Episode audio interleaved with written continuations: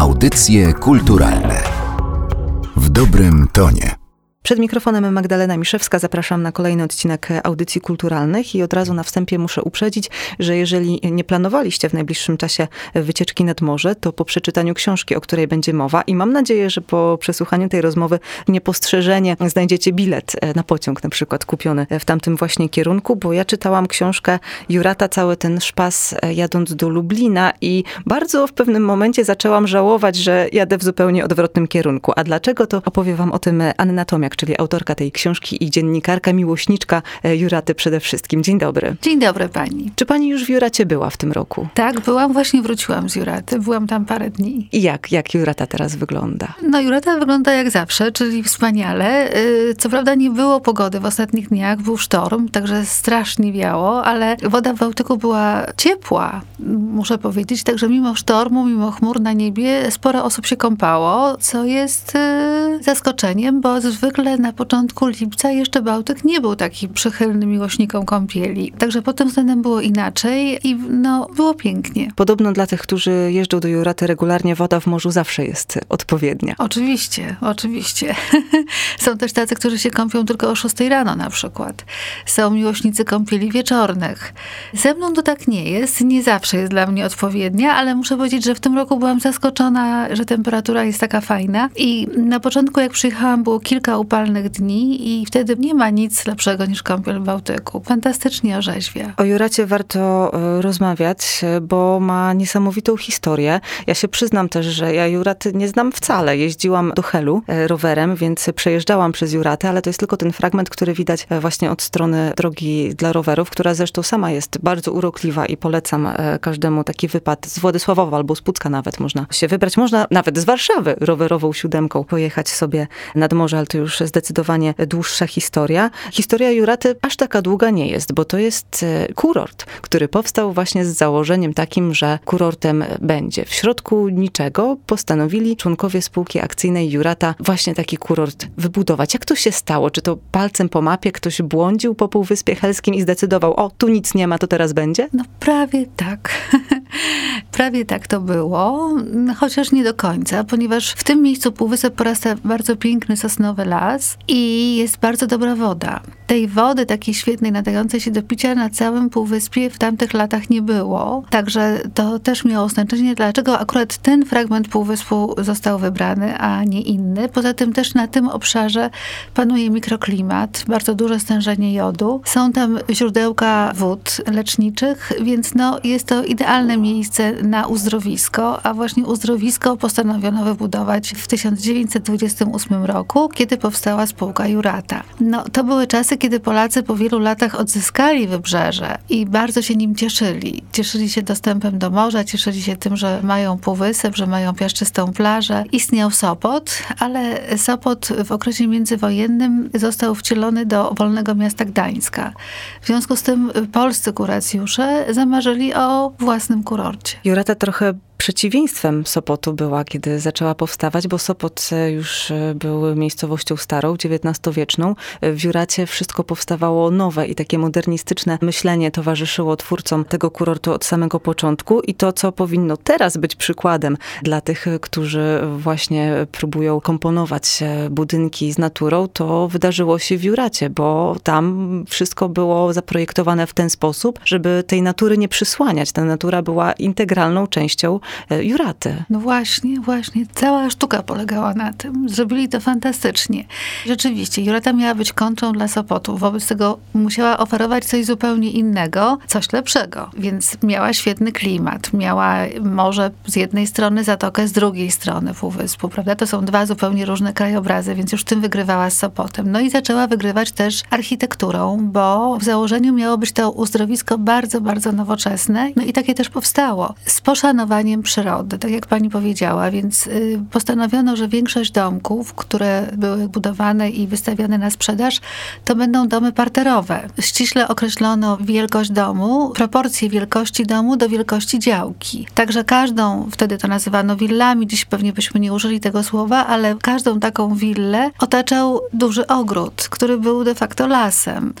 W związku z tym była to rzeczywiście miejscowość zatopiona w lesie. Poza tym przy głównych ulicach powstawały powstawały pensjonaty i hotele i tylko one miały prawo być wyższe, ale nie wyższe niż trzy piętra, czyli nie wyższe niż otaczające je sosny. To wszystko miało bardzo duże znaczenie dla urody tej miejscowości. Była to miejscowość zatopiona w zieleni lasu. Budownictwo też było bardzo przemyślane. Nie, nie stawiano jakichś nie wiadomo jakich ciężkich budynków. No, styl modernistyczny zakłada prostotę i funkcjonalizm i takie były też te obiekty, a te tak zwane wille miały konstrukcję drewnianą i ściany były wypełniane mieszaniną trzciny z wapnem, Potem to było szalowane, okładane papą i tynkowane. W związku z tym to były takie, no dzisiaj byśmy powiedzieli budownictwo kanadyjskie, coś takiego, tak nam się kojarzy, chociaż pewnie technologia była nieco inna. Ale te domki takie proste, parterowe, przetrwały długie lata i niektóre z nich stoją do dziś. Domki proste i parterowe, ale pomieszczenie dla służby miały, bo Jurata A, no tak, była tak. przeznaczona dla pewnego typu gości. Trzeba było finansowo być przygotowanym na to, żeby spędzać tam wakacje. No tak, my mówimy, że to takie było proste, kupowanie takiego domku, wysiadało się z pociągu, przy dworcu było biuro spółki, wystarczyło wejść, wybrać działkę, wpłacić zaliczkę, wybrać typ domku, bo były trzy typy domków, no i już. Rok później można było przyjechać do gotowego domu. No tak, no było to proste, tylko sporo kosztowało. I Jurata była w założeniu uzdrowiskiem luksusowym. Takim miała być, a więc y, obliczonym na zamożnych klientów. I na gwiazdy, estrady chociażby, które też e, do Juraty e, lubiły przyjeżdżać. Od samego początku chyba. Tak, no ale to było jak gdyby związane jedno z drugim, ponieważ przyjeżdżała śmietanka finansowa, tak? No to zaraz śmietanka finansowa miała koneksje rozmaite. Zaczęli przyjeżdżać politycy, oni też kupowali tam domy, na przykład Józef Beck miał swój dom. Przyjechał w 1937 roku prezydent Mościcki i tak dalej, i tak dalej. No i powstał hotel Lido, bardzo luksusowy, no jak na tamte lata, hotel w centrum Juraty, gdzie odbywały się dancingi, fajfy, koncerty, konkursy, no, turnieje szachowe, pokerowe, absolutnie wszystkie możliwe imprezy, więc tam zaczęły też przyjeżdżać gwiazdy, artyści, Eugeniusz Bodo, zaśpiewał nawet Jan Kiepura, Loda Halama, Jadwiga Smosarska, także wszyscy ci znani i lubiani bywali w Juracie. Mi się bardzo podobał ten pomysł, że kiedy artysta do Juraty przyjeżdżał i występował przed tamtejszą publicznością, to dochód z tego koncertu był przeznaczany e, na potrzeby Juraty. Prawda? Bardzo sprytne rozwiązanie. Prawda? A jakie dobre.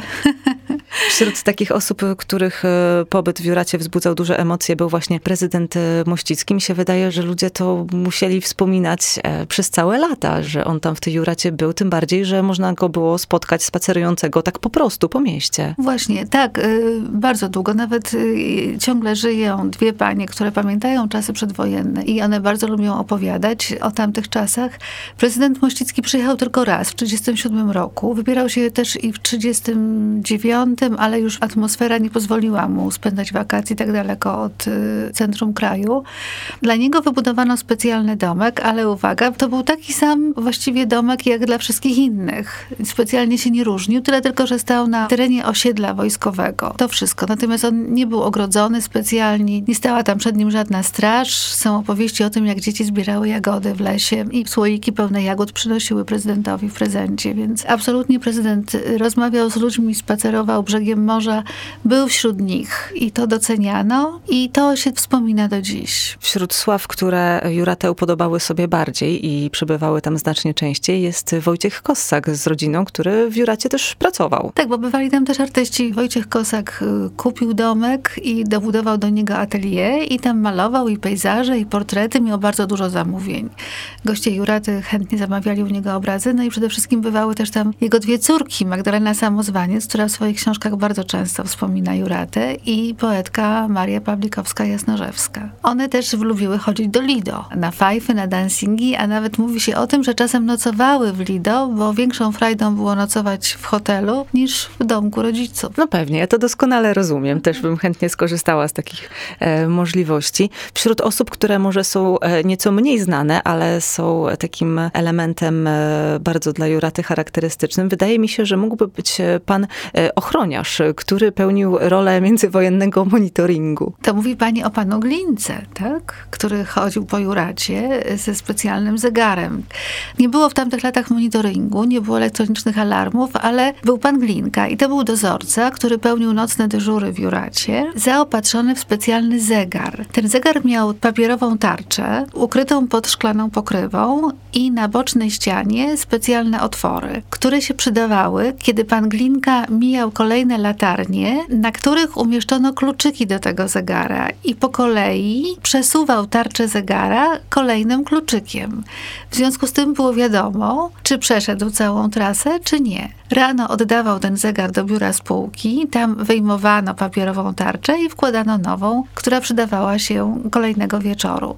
W ten sposób y, pan Glinka monitorował całą miejscowość, wszystko miał pod okiem, no i nie słyszałam, żeby w tamtych latach narzekano na jakieś wybryki w Juracie. Kuracjusze czuli się bezpieczni niemalże do samego wybuchu wojny. Byli tacy, którzy nie wierzyli w to, że wojna faktycznie wybuchnie i chcieli w tej Juracie spędzić czasu więcej, chociaż byli też ci, którzy zaniepokojeni informacjami uciekali z Półwyspu Helskiego. Jak tam przebiegała wojna? Bo Półwysep Helski był ważny pod kątem militarnym. To było ważne miejsce, miało znaczenie strategiczne, prawda? Rzeczywiście lato 1939 roku było takie piękne, że no jakoś trudno było wierzyć, że miałoby coś się zdarzyć tragicznego, że mogłaby wybuchnąć wojna. Odsuwano tę myśl od siebie. Nawet Wojciech Kosak, on wyjechał jako jeden z ostatnich. Jakoś nie dopuszczano tej myśli. No ale wiemy, jak potoczyła się historia. Jurata w czasie wojny nie została zniszczona, w tym sensie, że budynki nie zostały zburzone. Wręcz przeciwnie, Niemcy uznali, że to jest miejsce, które może im się przydać i też mogą je wykorzystywać i korzystać z zalet tego kurortu. Więc wiele domów zajęli niemieccy żołnierze. W pensjonatach urządzono szpitale i domy opieki dla rannych niemieckich żołnierzy. Także to wszystko zaczęło się tam zmieniać, ale nie w takim sensie, że były tam ruiny. Tam ruin nie było. Były natomiast zniszczenia, bo potem pod koniec wojny trasa wielkich ewakuacji też biegła przez Półwysep. W związku z tym tam przechodziły tysiące ludzi, którzy, no, żeby się ogrzać, niszczyli na przykład posadzki i wrzucali to do pieca, żeby po prostu spędzić jakoś noc w ciepłym pomieszczeniu. Także te domy były potwornie po wojnie zniszczone, ale istniały. I przez bardzo długi czas można było jeszcze e, w okolicach Juraty natknąć się na pozostałości. Była tam broń, była amunicja. Tak, to wspominają chłopcy z tamtych lat, dzisiaj już starsi panowie, którzy opowiadają, jak bawili się, prawda, ciągle znajdowali jakieś magnety, karabiny, rowery poniemieckie w lesie, lornetki. To wszystko tam podobno było w olbrzymich ilościach. I cała ta zawierucha wojenna, podobnie jak w innych e, miejscach w Polsce, spowodowała, że nie zawsze właściciele domów mogli do nich wrócić, bo okazywało okazywało się, że ktoś już tam mieszka, albo że nie ma jak udowodnić, że to faktycznie kiedyś było ich. No tak, bo to było tak, że Niemcom się ta miejscowość spodobała i oni zniszczyli wszystkie dokumenty spółki. Nic nie zostało, bo oni uważali, że to już jest ich i będzie ich. W związku z tym y, dokumentów nie było, więc odzyskiwanie swojej własności było bardzo trudne, bo nie było żadnych dowodów tej własności. Jeżeli ktoś y, znalazł świadków y, gotowych potwierdzić, że ten dom właśnie należał do niego, no to czasami udawało się dom odzyskać. W wielu przypadkach te formalności trwały bardzo, bardzo długo. Dopiero w latach 50., w latach odwilży, dawni właściciele wrócili do swoich domów, ale też nie wszyscy, no bo życie potoczyło się rozmaicie. Na przykład rodzina Kosaka właściwie nigdy nie wróciła do tego domu. Wiele domów zajęli dzicy lokatorzy. Potem się przecież pojawił kwaterunek, czyli ludzie dostawali przydziały na mieszkanie w tym czy w innym domu. Nie mieli dokąd się wyprowadzić. Nawet jeżeli pojawiał się właściciel, nie był w stanie udowodnić, że to jego dom, a oni nie mieli dokąd się wyprowadzić, więc mieszkali, zajmowali te domy. Były też takie sytuacje, że, że właściciele pensjonatów e, przedwojennych e, dostawali jeden pokój do zamieszkania w tak, dawnym no miejscu już, swoim. To, tak, to już były te lata, kiedy powstało FWP, czyli Fundusz Czasów Pracowniczych i Orbis. I to też właśnie po prostu przejmowane były te pensjonaty. Właściciele stłamszeni w jednym pokoju mogli pracować we własnym pensjonacie za jakieś marne grosze, ale to wszystko. Nie mieli żadnych innych praw do tego budynku. To były okropne czasy. Jurata wciąż była miejscem, gdzie spędzało się wakacje, ale jej charakter zupełnie się zmienił. Przed wojną to było miejsce elitarne i drogie po prostu, a w PRL-u? W PRL-u to się wszystko zmieniło, bo tak jak powiedziałam, właśnie powstało FWP, Fundusz Czasów Pracowniczych. Zaczęło przyjeżdżać kompletnie inne towarzystwo do Juraty. Zaczęli przyjeżdżać y, pracownicy zakładów pracy, robotnicy, inżynierowie, no ludzie pracy, tak? Nie tyle arystokraci i artyści i politycy z pierwszych stron gazet, chociaż oni też bywali, ale właśnie ludzie pracy. Więc zmieniła się atmosfera, chociaż oprócz nich bywali też dawni kuracjusze i tak zwani stali bywalcy, którzy no, gdzieś tam w tych swoich domkach z trudem remontowanych yy, też próbowali spędzić wakacje. Ale oczywiście atmosfera się zupełnie zmieniła, no tak jak zmieniła się w wielu miejscach Polski. Jurata jest jak lustro, odbija historię Polski. Jest maleńka, ale jednak wszystkie przemiany, które zachodziły w naszym kraju, dotykały również jej. Ale po latach Jurata odzyskała swój taki e, charakter miejsca, do którego ściągają ludzie kultury, ponieważ e, artyści, którzy do tej pory e, spędzali czas w niewielkich chałupach, po słynnej piosence, którą śpiewał Zbigniew Wodecki, musieli się z chałupami rozstać, bo po prostu tych ludzi chętnych, żeby spędzić tam właśnie swoje wakacje, zrobiło się zbyt dużo i odkryli, że ta nieco zapomniana już Jurata może być dla nich takim miejscem trochę odosobnienia, trochę spotkania się, ale we własnym gronie, a nie wśród y, licznych turystów. Tak, bo właśnie to był taki moment dla Juraty bardzo korzystny. Chałupy welcome to, y, plaża nudystów, to się nie podobało i zaczęli szukać, dlaczego oni jeździli do chałup. No jeździli do chałup, dlatego, że chałupy były wsią, cichą, spokojną, zapomnianą wśród wydm, rybacką wsią. To im się bardzo podobało. No ale potem się wszystko zmieniło i wtedy właśnie w tym momencie odkryli Juratę, która pozostała jednak cichą i spokojną miejscowością. I zaczęli jeździć do Juraty, mimo że ona miała jednak inny charakter, bo tak jak już mówiłyśmy, Jurata nigdy nie była wsią, zawsze była y, miejscowością wypoczynkową. No i w Juracie już nie mieszkali w rybackich chatach, u rybaków, tylko na tak zwanych kwaterach. Ale luksusów też tam nie było. No żadnych. Żadnych nie było luksusów. Było szambo, były pokoje ze wspólnymi łazienkami. No bardzo przaśnie. Nie było też w Juracie żadnych restauracji, ani kawiarni, które dzisiaj są, prawda, i z których turyści chętnie korzystają. Wtedy nie było, nawet jeżeli była jakaś restauracja, no to powiedzmy sobie, lepiej było do niej nie chodzić.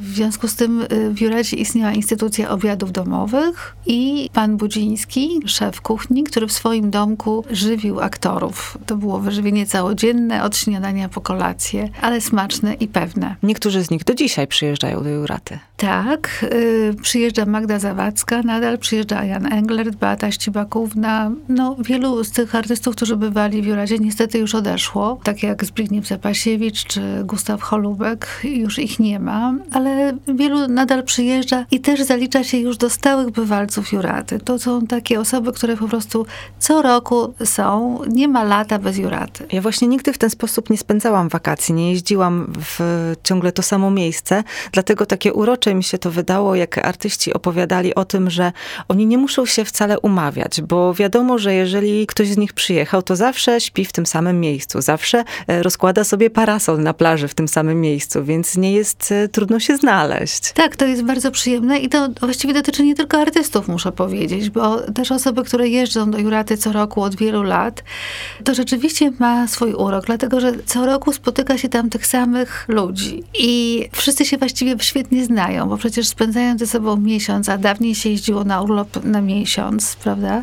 To rozmawiało się na różne tematy i poznawało się bardzo dobrze. A poza tym to są przemiłe wspomnienia i to zawsze są wakacje, więc wszyscy są na ogół w świetnych nastrojach, na ogół mają chęć na wspólne spędzanie wieczoru, na pogawędki, na jakieś wspólne spacery. To jest zupełnie inna atmosfera i te znajomości kojarzą się tylko z tym, więc to jest bardzo przyjemne. Jurata też pewnie dzięki temu, że zaczęli tam ściągać artyści, Wenecji odzyskała charakter kurortu. Znów się robi tam trochę bardziej luksusowo niż w okolicznych miejscowościach. I do tych wszystkich uroczych historii z książki, bo ona naprawdę jest taka bardzo romantyczna i sentymentalna, to wspaniale pasuje wiersz Gałczyńskiego, który opowiada o tym, że jak w Juracie to tylko na pół czarnej kawy będzie ludzi stać, tak jest tam drogo, ale nawet te pół czarnej kawy przyniesie kilku kelnerów, bo jest luksusowo.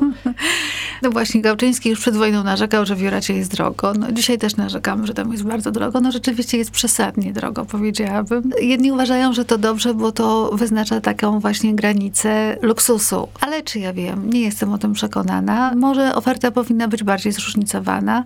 Nie wszystko musiało być takie bardzo drogie, ale to też na przykład to, że nieruchomości są takie drogie, bo powstają nowe apartamentowce, to wynika z tego, że Jurata jest tak maleńka, że linia brzegowa Juraty wynosi 1,8 kilometra i tam nie ma miejsca na nowe specjalnie domy. Więc to, co jest, jest już bardzo drogie. No i niestety zaszkodziło Juracie to, że te domy budowane przed wojną zniknęły z jej krajobrazu. Zostało tam chociaż kilka, czy już jakby wszystkie te domy zostały zastąpione przez e, większe hotele i apartamentowce? Hoteli tam nie ma właśnie wielu. Jest hotel Bryza, miał powstać duży nowy hotel przy Molo, którego jeszcze nie zaczęto budować, chociaż takie były plany.